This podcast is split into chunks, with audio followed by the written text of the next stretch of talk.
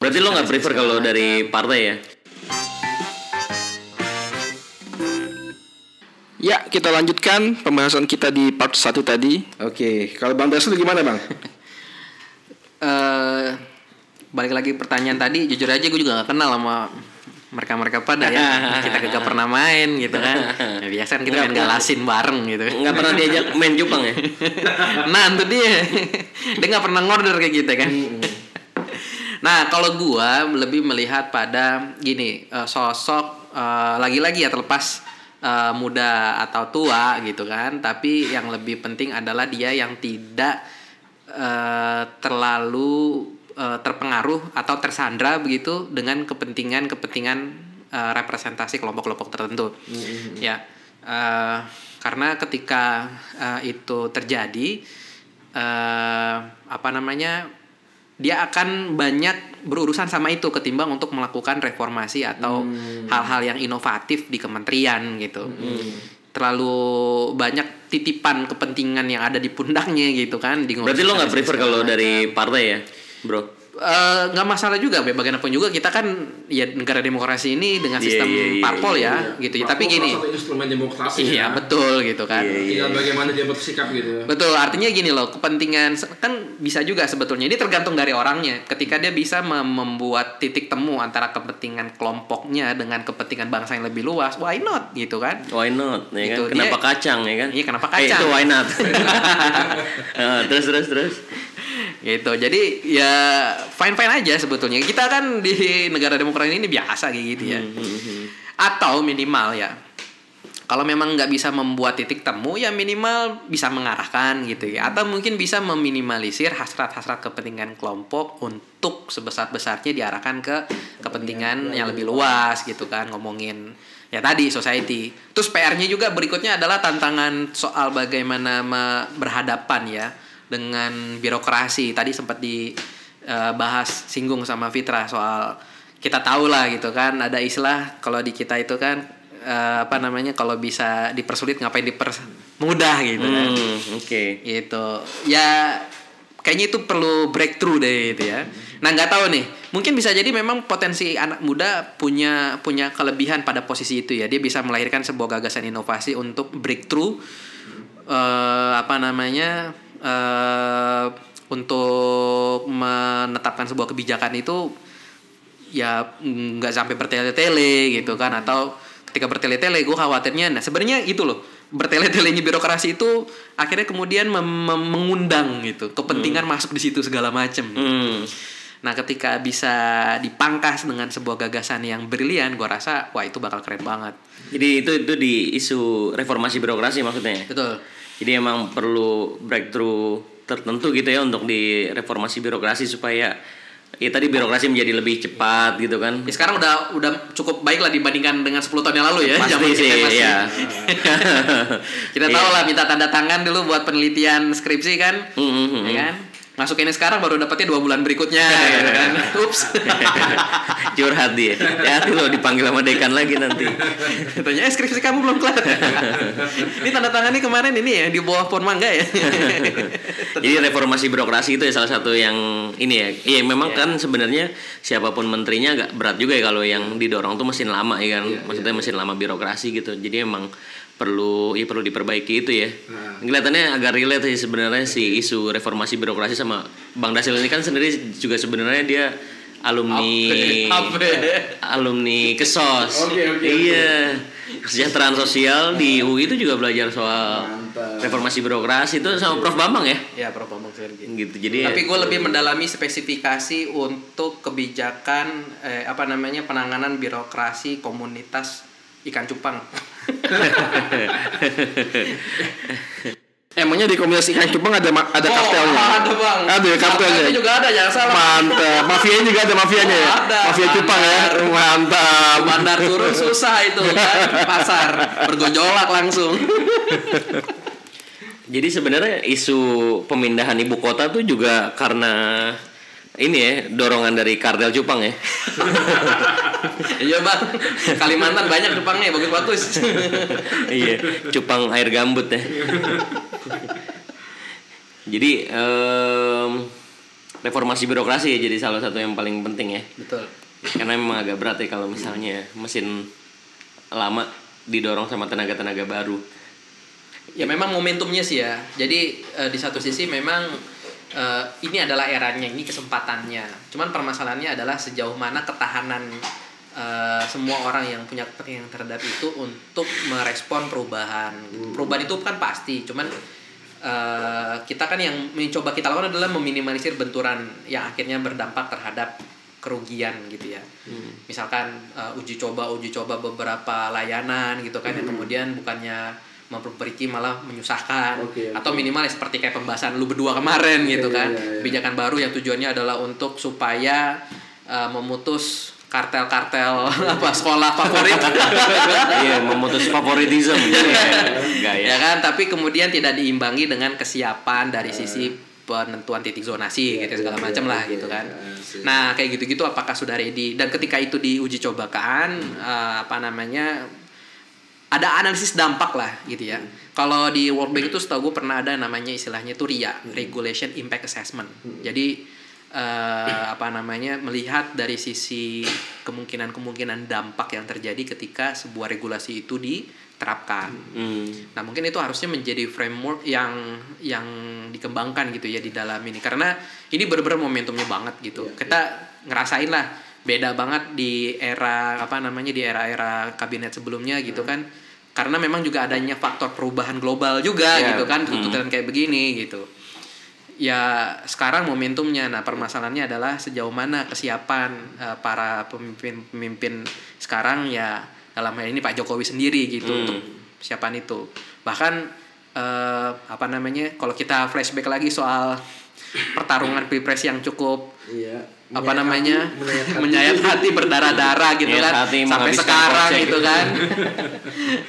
Nah itu aja hanya apa namanya itu diakibatkan oleh salah satu perubahan juga kan perubahan apa namanya partisipasi publik yang semakin tinggi dan aware gitu melalui kanal-kanal digit apa namanya sosial Hmm. media digital. Yap, yap. dan itu kita lihat betul bahwa kita masih butuh proses gitu ya kedewasaan gitu sampai-sampai istilahnya ketika lo milih 01 oh berarti lo uh, musuhnya 02 atau mungkin sebaliknya gitu ya ketika lo uh, mengkritik 02 ya berarti lo ini 01 gitu bilang ya elah gitu banget gitu kan perasaan kita sesama apa namanya pe ini apa namanya komunitas Jepang kalau kita pro sama Half Moon bukan berarti kemudian kita harus menjelek-jelekan pro Crown Tail gitu ya. Iya iya iya. iya. Nah kemudian kalau menurut lu berdua ya eh, dari pembahasan tadi sebetulnya menurut kalian nih menurut, menurut Rangga dan Dasril nih eh, di yang kedua ini kira-kira Pak Jokowi bakalan eh, kalau kemarin kan banyak yang kritik ya artinya gini janjinya dulu adalah lebih banyak kalangan profesionalnya ya walaupun sebetulnya ini debatable ya profesional politik apa eh, orang partai Profesional politisi. Nah itu kan debatable kan ada singgungannya irisannya banyak ada yang kita nggak bisa ansih ngomong dia profesional dia orang partai dia juga bukan profesional nyatanya kan nggak gitu ya. Nah menurut menurut eh, lu berdua kira-kira bakalan lepas nggak sih ini Pak Presiden dari tadi yang sebagaimana Rangga sampaikan bakalan ke- kepentingan-kepentingan partai di sekeliling-kelilingnya ini bakalan kuat nih untuk apa menentukan arah kebijakannya Pak Jokowi dan Pak Ma'ruf sendiri begitu. Oke, em, menurut gue sih itu bakal tergantung ya, bakal tergantung sejauh mana elemen-elemen yang kemarin mendukung Pak Jokowi di periode 2 ini itu bisa mendorong mendorong kepentingan negara atau masyarakat atau kepentingan yang lebih besar itu dibanding kepentingan partai politik gitu ya. Karena kan sebenarnya ya Pak Jokowi itu em, mungkin dianggap sebagai orang yang sederhana gitu ya, pokoknya populis, eh, baik kayak gitu-gitu. Sehingga sebenarnya banyak pendukung-pendukung beliau tuh juga dari non parpol kan sebenarnya kan. Nah, pendukung yang dari non parpol itu menurut gue sih kalau yang sepengamatan gue ya, mm, nggak tahu menurut Bro Dasril. Ya menurut gue lebih logis gitu. Jadi ya, banyak lah teman-teman kita tuh yang mendukung Jokowi gitu ya. Em, dan kelihatannya memang nggak mendukung ke salah satu parpol tertentu kelihatannya lebih logis gitu. Dibanding ya memang em, Partisan ya. partisan kayak gitu. Nah, jadi memang sangat tergantung dari peran teman-teman kita yang yang non partisan ini gitu loh. Sejauh mana teman-teman kita itu mau mendorong Pak Jokowi untuk mengedepankan kepentingan-kepentingan yang lebih besar. Gitu sih menurut gue. Gitu nggak, Cil? Ya gue sih sepakat gitu ya kalau kita bicara da- dalam dalam skup eh, apa eh, ya tujuannya adalah untuk kepentingan masyarakat secara lebih umum gitu. Cuman eh, agak worry juga sebetulnya kalau misalkan eh, Pak Jokowi eh, tapi ya pasti tentunya banyak pertimbangan lah ya. Karena Pak Jokowi butuh dukungan untuk eh, apa namanya memastikan kebijakannya itu di level eksekutif didukung oleh legislatif. Hmm, Ya, artinya memang perlu perlu dukungan partai. Perlu dukungan partai gitu. Kemarin kan eh, sangat diakomodir sekali ya. Bahkan sampai ke level-level yang non menteri gitu ya. Ya tahulah. Iya, em, iya betul sih memang em, kalau tadi gue baca berita Ya. gitu ya, memang salah satu yang beliau pertimbangkan kenapa mengambil profesional yang Hmm. juga dari partai politik karena sebenarnya juga untuk menjaga komunikasi beliau dengan legislatif itu jadi lebih mudah kayak gitu. Memang jadi terkesan ya buah si malakama, tapi ini balik lagi ke soal leadership sebetulnya kalau menurut gua ya. Gitu. Eh, kalau boleh gua apresiasi gitu kan salah satu hebatnya Pak Jokowi adalah mampu mengkonsolidasi eh, apa namanya ormas NU ya untuk bisa berada di apa namanya eh, barisan beliau gitu. Nah, apakah kemampuan itu bisa beliau tunjukkan selama ke depan sehingga bisa menjaga kondusivitas pembangunan? Karena agak agak eh, iriskan juga gitu. Karena memang pembangunan itu mau nggak mau juga begitu syarat dengan kepentingan politik. Yap. Nah, ketika eh, Pak Jokowi mampu bisa mengedepankan asas eh, apa namanya yang lebih besar gitu ya, eh, dan kemudian mampu mem- me- memberikan apa namanya kompensasi-kompensasi di belakang kita nggak tahu gitu ya, dan itu dealingnya cantik, cakep gitu kan, Wah, Mhm. oke juga gitu. Menurut gua oke lah. Pilpres sudah selesai gitu ya. Sekarang saatnya kita bagaimana membangun gitu kan. Eh, ini gimana gitu. Mhm. Atau jangan-jangan ya balik lagi ke situ ya. Em, ya betul kan memang ini tergantung leadership dari Pak Jokowi. Em, tapi kan beliau kan memang berangkat dari non partai sebenarnya kan dulu ya. pengusaha ya. Ada pengusaha kayak gitu. Jadi jangan-jangan balik lagi ke yang tadi gue bilang sih sebenarnya jangan-jangan beliau tuh butuh dukungan Pasti. butuh pasti. butuh teman-teman non partisan itu untuk mendukung menunjukkan dukungan yang yang terorganisir gitu loh sehingga memang dia bisa menjadi penekan dari rongrongan partai politik yang ada di sekitar beliau. Nah, itu sebetulnya ini ini wah ini bahasannya makin makin malam makin seru ini. Sebetulnya itu pernah cukup eh, ciamik berhasil beliau lakukan waktu lagi di itu ya di Jakarta saat itu kan. Bisa memberikan sebuah apa namanya eh, apresiasi publik yang bagus sehingga kemudian akhirnya dari situ eh, beliau tidak terlalu tersandra gitu ya dengan eh, DPRD ya kita tahu lah sampai ada survei gitu kan. Ya walaupun dalam konteks itu bukan Jokowi ya Jokowi udah maju jadi presiden saat itu kemudian jadi Ahok gitu kan. Sampai ada survei dan menurut gue itu surveinya nggak nggak apple to apple gitu. Ahok versus DPRD gitu ya. Kalau mau eksekutif versus legislatif gitu ya.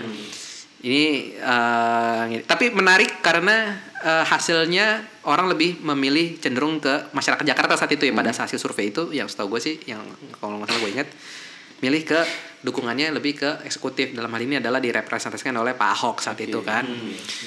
eh tapi ada catatan memang konteksnya Jakarta masyarakatnya yang sudah well Lebih, educated yes. gitu kan.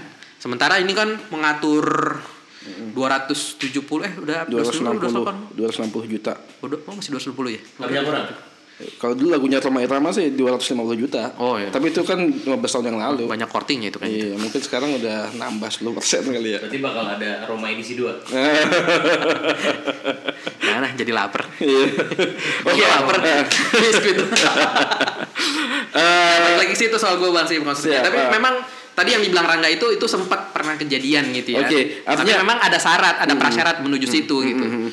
Artinya memang wajar siapa pun presidennya nanti begitu. Siapa pun yang akan jadi presiden, siapa pun yang akan jadi eksekutif, dia ha- dia punya kepentingan untuk bisa mendapatkan tanda kutip dukungan dari legislatif karena kebijakannya dia tidak akan bisa eh, berjalan mulus kalau tidak ada persetujuan dari eh, legislatif begitu kan? Ya walaupun kemudian tadi ketika ceritanya Dastil ya yang pada saat di DKI kemarin ya periode gubernur yang sebelum ini kemudian eh, ada dibuat sebuah narasi eh, gue juga nggak setuju sih sebetulnya.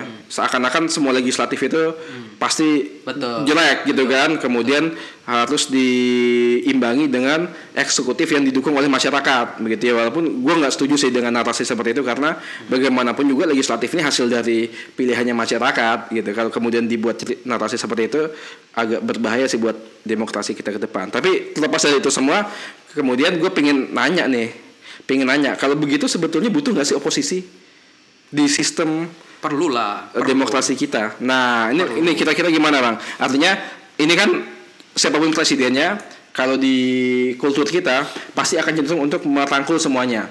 Kalau bisa nggak ada oposisi, nggak ada oposisi. Itu yang terjadi 32 tahun Orde Baru kan? Iya, sama kayak sekali iya, oposisi sangat minimal lah gitu ya. Sehingga semua kebijakan bisa Iya. eh, nggak ada yang menghambat begitu. Nah, ini kira-kira gimana? Ya, yang namanya oposisi itu dalam sebuah demokrasi pasti dibutuhkan lah ya. Ibarat kata main bola, kalau kagak ada sparring partner lu bukan main bola namanya. Namanya ini ya. Latihan. Latihan mulu kapan ngadunya sih gitu kan. Benerannya kalau gitu ya. iya. Jadi ya harus imbang gitu, harus tetap ada oposisi supaya objek objektifikasi dalam memproduksi kebijakan-kebijakan yang eh, dibutuhkan masyarakat itu tetap selalu ada gitu. Karena eh, walaupun memang ada yang bilang kan bisa juga apa namanya otokritik gitu ya, artinya dari dalam diri sendiri. Tapi tetap itu eh, penuh dengan bias gitu ya. akan lebih eh, sehat gitu ya demokrasi itu tetap kalau gue sih selalu eh, apa namanya eh, apa namanya kalau ibarat kata orang tuh yin dan yang gitu ya. Oke. harus ada keseimbangan lah. Penyeimbangnya harus ada Gitu. penyeimbangnya ya.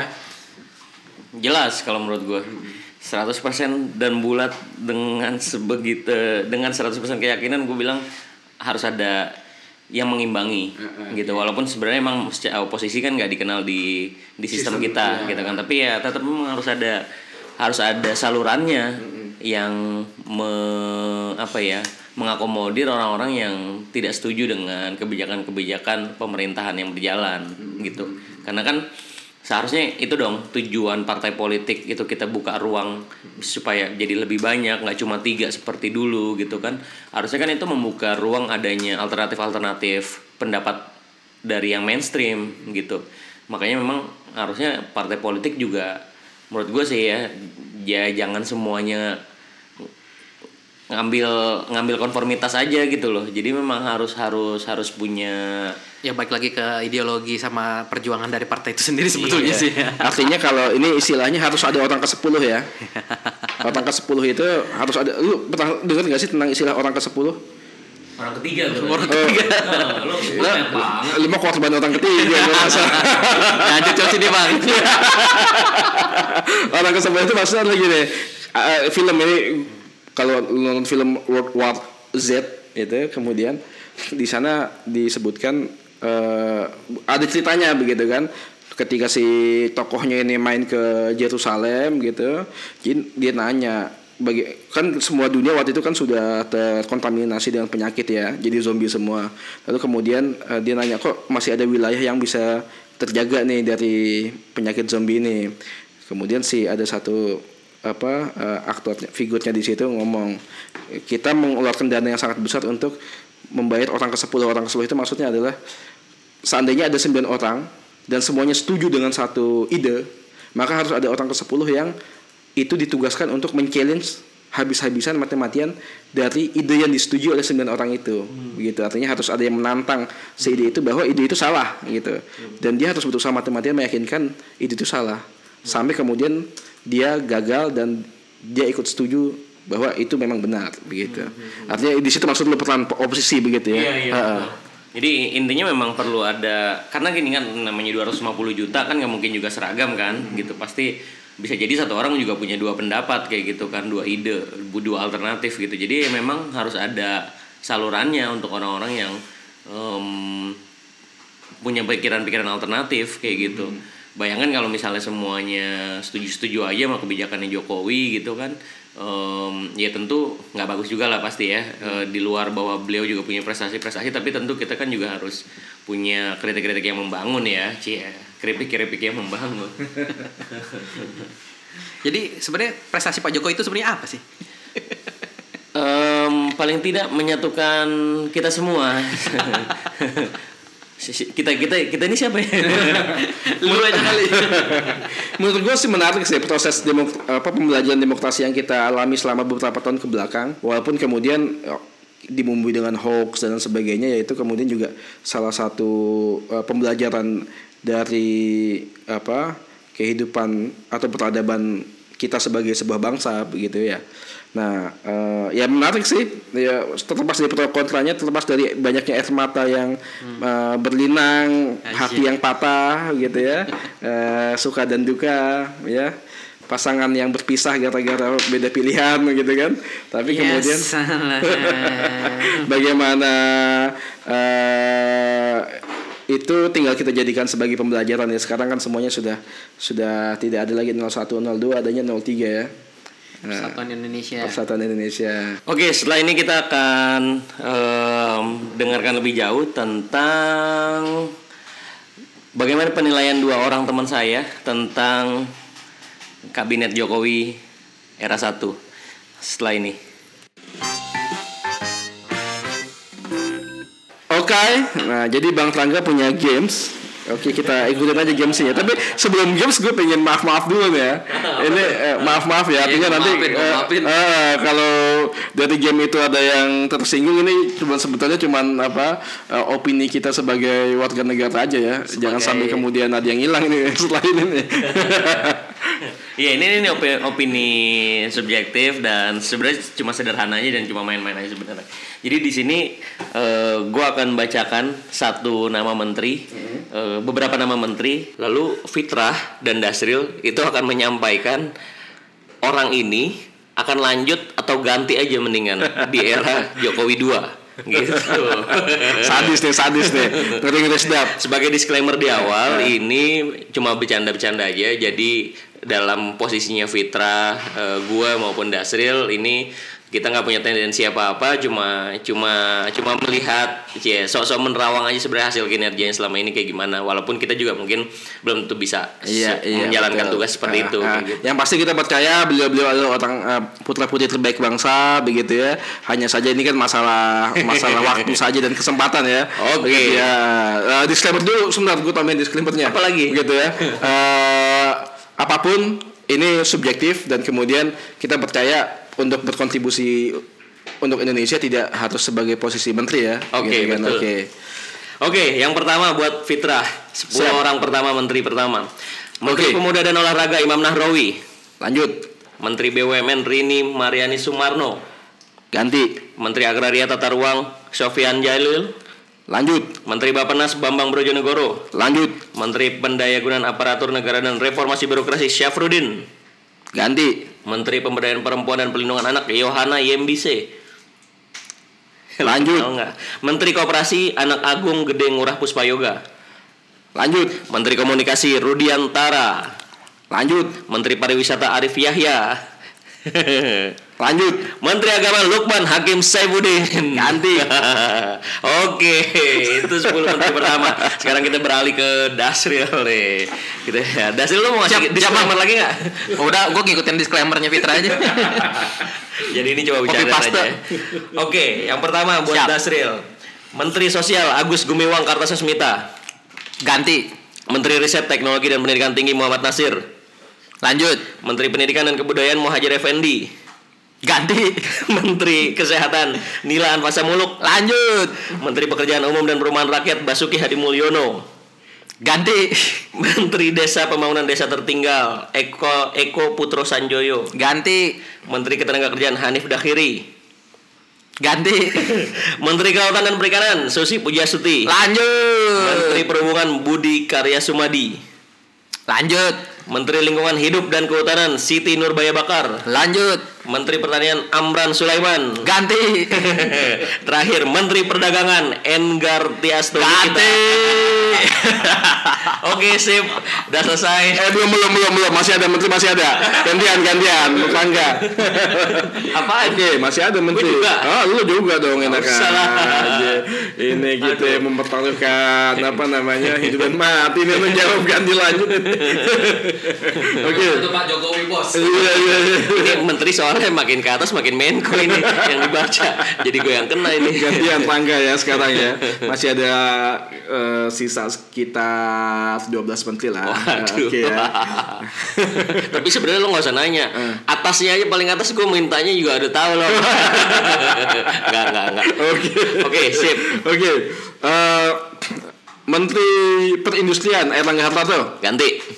Menteri ESDM Ignatius Jonan, Lanjut. Menteri Keuangan Sri Mulyani, Lanjut dong. Menteri Hukum dan HAM Ganti, ganti, ganti, ganti. Menteri Pertahanan Trian Satria Kudu, Uh, ganti. Menteri Luar Negeri Lanjut. Marsudi, Lanjut. Menteri Dalam Negeri Cahyo Kumolo, ganti. Menteri Sekretaris Negara Pratikno, Lanjut. Menko Bidang Pembangunan Manusia dan Wow. Kebudayaan Puan Maharani. Aduh, yang ini berat. Lu jawab. Ganti. Menko Bidang Kemaritiman dan Sumber Daya Luhut Bin Sarpanjaitan. Wow, seks ganti. Menteri Koordinator Bidang Perekonomian Darmin Nasution. ganti. Menko Bidang Politik, Hukum dan Keamanan Wiranto. Oh itu bagusnya ngelamar lagi tuh jadi menseskap aja. Tadi disclaimer buat yang seks itu maksudnya gue jadi inget film itu gitu, Oke, bukan oke. beliau seks. Oh iya iya iya Bukan, iya iya. iya. Lumayan aman Takut ya. gue. Gua Ntar anak istri gue gimana? Gua rasa edisi kali ini banyak yang harus di ini nih, harus banyak yang harus disensor nih. Oke kayak gitu dulu teman-teman semua kita bahas hari ini tentang kabinet mudah-mudahan ada yang bermanfaat yang nggak bermanfaat teman-teman tinggalin yang bermanfaat bisa diambil Ya. kalau ada yang mau komen bisa ke mana fit Bisa di IG kita, Instagram kita, Yuk Talks. yuk talks ya. Y U K T A L K S Oke, ha, chat aja di IG atau kemudian di Facebook fan apa Facebook page kita. Hmm. Nah, ada juga Yuk Talks juga. Kalau ada yang mau ngirim voice note bisa juga ya Bisa sebenarnya. juga, bisa jadi juga. kita tampilin di sini juga Betul. pendapat teman-teman tentang kabinet. Iya. Jadi bisa berbagi pendapat sama pendengar yang lain. Betul. Mungkin nanti ngobrol aja di Instagram. Mungkin nanti kita akan kasih link WhatsApp-nya buat Yes, ngirim yes, voice note yes, gitu ya. yes, ha. Isu kali usul isu. Oh iya benar Oke. bisa usul isu. Ha-ha. Tapi mudah-mudahan Pak Luhut nggak ngirim voice note ya, gue takut juga. Saudara saya angkat. Di patung pancoran. Habis Eh, tuh. mohon maaf lahir dan batin untuk semua nama-nama yang tersebut begitu. Bapak-bapak ibu-ibu semua. Sampai jumpa untuk kawan-kawan semua. See you. Demikian edisi Yuk Talks kali ini. Jangan lupa follow Instagram dan Facebook kami